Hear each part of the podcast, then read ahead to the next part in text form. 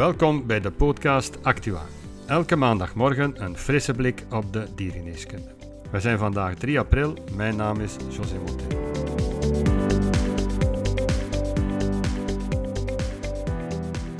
Onderwerpen die vandaag aan bod komen. Het is weer tekenseizoen. Of is er nog echt een seizoen? Althans niet meer volgens een Duitse studie. Waarom kunnen wij geen vriendjes zijn? Wat maakt dat twee katten in hetzelfde gezin overeenkomen of niet?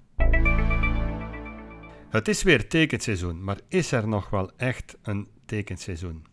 Het is weer die tijd van het jaar dat we telefoontjes krijgen van baasjes die ons vragen hoe ze een teken moeten verwijderen, of dat ze even mogen langskomen om te kijken hoe het moet. Het tekenseizoen is weer daar. Maar klopt dit wel? Is er nog een echt tekenseizoen? Volgens een recente studie in Duitsland kunnen we maar best het ganse jaar behandelen tegen teken. De meest gekende teek in onze contraien is nog steeds Ixodes ricinus, de befaamde overdrager van Borrelia of Lyme dus, maar ook van Anaplasma. Nu, daarnaast is er een andere teek, Dermacentor reticulatus, die we veel minder kennen, maar overdrager is van Babesia, babesiose, een ziekte die we nu meer en meer beginnen te zien. Nu, deze laatste teek, Dermacentor, raakt meer en meer verspreid over gans Europa. De redenen zijn niet goed bekend, maar feit is dat deze teek nog beter tegen lage temperaturen kan dan Ixodes. En reeds actief wordt bij temperaturen net boven het vriespunt, het grootste deel van het jaar dus, althans in België. Nu, in Duitsland heeft men het voorkomen van Dermacentor onderzocht in 2003 in de regio van Berlijn-Brandenburg. Een regio die toen al als endemisch werd beschouwd. Nu, uit die studie bleek dat iets meer dan 10% van de teken Dermacentor-teken waren. Nu, datzelfde onderzoek werd acht jaar later opnieuw uitgevoerd en dat wees uit dat Dermacentor was uitgegroeid tot 45% van het tekenaantal. Ondertussen weten we dat Dermacentor verspreid is over gans Duitsland. Maar het relatieve voorkomen van Dermacentor ten opzichte van Ixodes over gans Duitsland is niet gekend. En dit werd onderzocht in deze studie. Nu, tegelijkertijd werd er gekeken of er nog andere teken waren dan Dermacentor en Ixodes. Dus tussen mei 2020 en juni 2021, 14 maanden dus, werd aan voornamelijk Duitse dierenartsen gevraagd teken uh, van honden en katten in te zenden die ze verwijderd hadden. Het werden er in totaal 19.514 en, zoals verwacht, merendeels Ixodes ricinus, iets meer dan 80%. Maar Dermacentor reticulatus was goed voor 10% van de ingezonde teken over heel Duitsland. Er werd ook een verschil gezien in voorkomen van teken tussen honden en katten. Bij honden was bijna 80% van de teken van de Ixodes-soort en Dermacentor bijna 20%.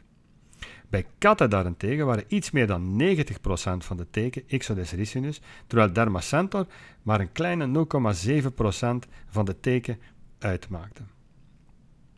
Wat de geografische verspreiding betreft over Duitsland werden beide teken ingezonden over het ganse land. Ze komen dus algemeen verspreid voor over gans Duitsland. Ook het tijdstip van de maand, wat dat betreft, werden beide teken het ganse jaar rond ingezonden, met uiteraard twee seizoensgebonden pieken. Eentje in juni 2020 en een tweede piek in mei 2021.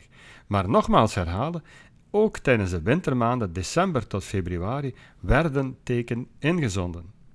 Nu, deze gegevens geven toch weer maar eens weer of aan dat het al lang niet meer enkel gaat over Exodes als we over teken praten. Ook al is deze studie uitgevoerd in Duitsland, er is geen reden om aan te nemen dat de cijfers in ons land dramatisch anders zouden zijn. Opletten dus en vooral ja, onze focus verleggen. Het tekenprobleem evolueert van een seizoensgebonden probleem naar een probleem waarvoor we het jaar rond alert moeten zijn. En alleen al daardoor moeten we bij tekenziekte niet meer enkel aan Lyme denken, uh, maar ook aan anaplasma of babesia. En zoals we als toch zo graag zeggen, wij zien hen niet, maar zij zien ons zeker geregeld. Maak dat je ze niet mist. En denk ook eens aan een dergelijke ziekte bij je volgende zieke patiënt waarvan je niet onmiddellijk weet wat er gaande is. Waarom kunnen wij geen vriendjes zijn? Onze huiskat stamt uiteraard af van de wilde kat en deze is van nature een solitair dier. Nu, toch zijn er veel gezinnen die twee katten hebben. En dat kan nog eens problemen geven. Een studie in het Verenigd Koninkrijk toonde aan dat 62% van de eigenaren van meer dan één kat wel eens conflicten zien tussen hun katten. Een stevige discussie, zo nu en dan, is niet slecht. Maar als dat regelmatig gebeurt, kan dat belangrijke gevolgen hebben voor de levenskwaliteit van sommige katten. Zijn er dan factoren of levensomstandigheden waarbij men meer problematisch gedrag ziet tussen katten? En dat werd nagegaan bij huishoudens die twee katten bezitten. Bleek dat twee gesteriliseerde katinnen samen meer aanleiding gaf tot problemen vergeleken met twee gecastreerde katers samen of een gemengd koppel. Tja. Verder werd ook gevonden dat jongere katten samen, en dan spreken we van een ouderdom van 1 tot 3 jaar, beter met elkaar overweg kunnen dan alle andere combinaties wat leeftijd betreft. Oudere katten samen, dus oudere katten bedoelen ze minstens 7 jaar oud, maakten meer problemen dan volwassen katten van 4 tot 6 jaar oud. En als je dan toch twee katten samen wil houden, is het misschien best ze op jonge leeftijd samen te brengen en niet een jonge kat bij een al ouder dier te zetten, wat wij nogal eens geneigd zijn te doen. En hier is nog een interessante uh, conclusie. Katten die niet verwant waren, mochten elkaar minder dan katten uit hetzelfde nest, of ouder en nakomeling, of katten die met elkaar hoorden voor ze geadopteerd werden. Nog eentje. Katten die enkel binnenshuis leefden, hadden minder problemen met elkaar dan wanneer ze toegang hadden tot buitenshuis. En dan natuurlijk een binnenkopper, wanneer een van beide katten agressie vertoonde naar mensen of dieren, en dat kan gaan van zeer subtiel agonistisch gedrag tot letterlijk aanvallen, dan was er ook vaker iets mis met de relatie met de andere kat in hetzelfde huishouden. Heb je dus een cliënt met een kat die van plan is een tweede kat erbij te halen, dan kunnen deze tips waarschijnlijk van pas komen. Dan nog even onze Vera Icon dag onder de belangstelling brengen. We spreken er wekelijks over, maar ja, we moeten het toch nog even herhalen, want we hebben nog maar een vijftal weken te gaan. En dan zijn we zover. De inschrijvingen lopen nog altijd vlot, wij werken nog altijd verder. Maar Verecon bestaat vijf jaar en onze dag wordt een echte feesteditie. Zorg dus zeker dat je erbij bent. En een bijkomende reden om erbij te zijn is onze keynote speaker. Vorige week heb ik het al beloofd, we zouden hem deze week bekendmaken, of haar. En belofte maakt schuld. Het wordt niemand minder dan Saartje van den Driessen. We kennen ze allemaal. Ze zal een zeer interactieve en energieke lezing geven met als titel Nooit meer moe.